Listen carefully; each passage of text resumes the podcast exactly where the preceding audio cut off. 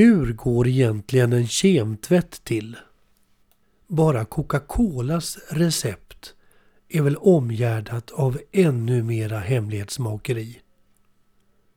Kanske är det så enkelt att det är i just denna svarta dryck som mammas blusar tvättades.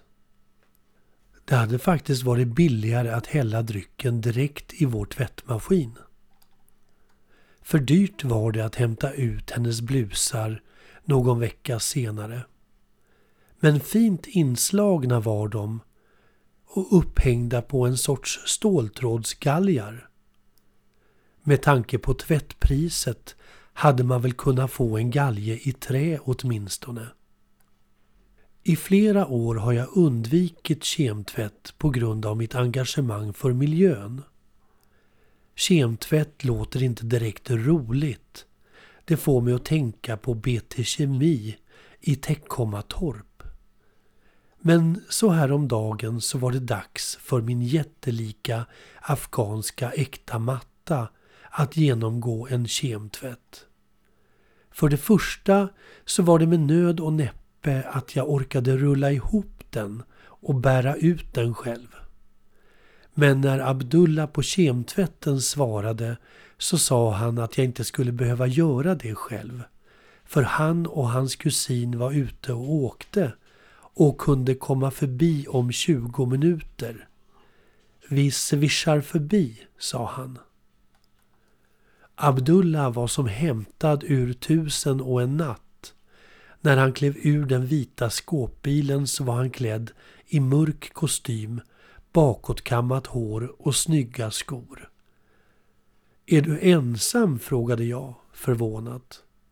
Han skakade på huvudet och efter ett välriktat knytnävslag i sidan av skåpbilen så skrek han Kasim! Då öppnades bakdörren och en yrvaken Kasim tittade ut. Han sprang in i min hall och tog den äkta mattan på huvudet och balanserade ut den till skåpbilen. Han och mattan försvann sedan in och bakdörren stängdes. Abdullah skrev ett kvitto och överräckte mig sitt visitkort. På det stod det Abdullahs flygande mattor följt av en uppmaning att swisha och en liten bild på Ture Sventon faktiskt. Och när jag hade följt uppmaningen och betalt kemtvätten så försvann de båda med ett swish. På kvällen ringde han mig igen. Min vän Abdullah här. Jag har mycket tråkiga nyheter för dig. Din matta var ju smutsig. Ja, det vet jag, sa jag. Det var ju därför jag ringde till dig.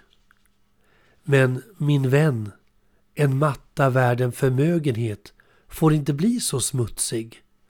Den måste du sköta. Respektera mitt folks traditioner. Förlåt, sa jag och förstod att det nu skulle tillkomma en extra avgift. Kasim måste börja med att sanera mattan, förklarade Abdullah. Väldigt jobbigt faktiskt. Och mycket farligt. Kemikalier. Ingen lek. Kasim kan dö. Usch, tänkte jag och började undra om inte Kasims liv var värt mer än så. Eh, vi kanske ska låta mattan vara då. Bara slänga den på soptippen menar jag. Nej, sa Abdullah, är du galen? Kasim har gått för att köpa kemikalier och ska bada med mattan ikväll. Okej. Okay. Men, fortsatte Abdullah, mycket farligt och dyrt. Kasim kan dö. Förstår du? Ja, det vet jag inte om jag kan ta på mitt samvete, svarade jag.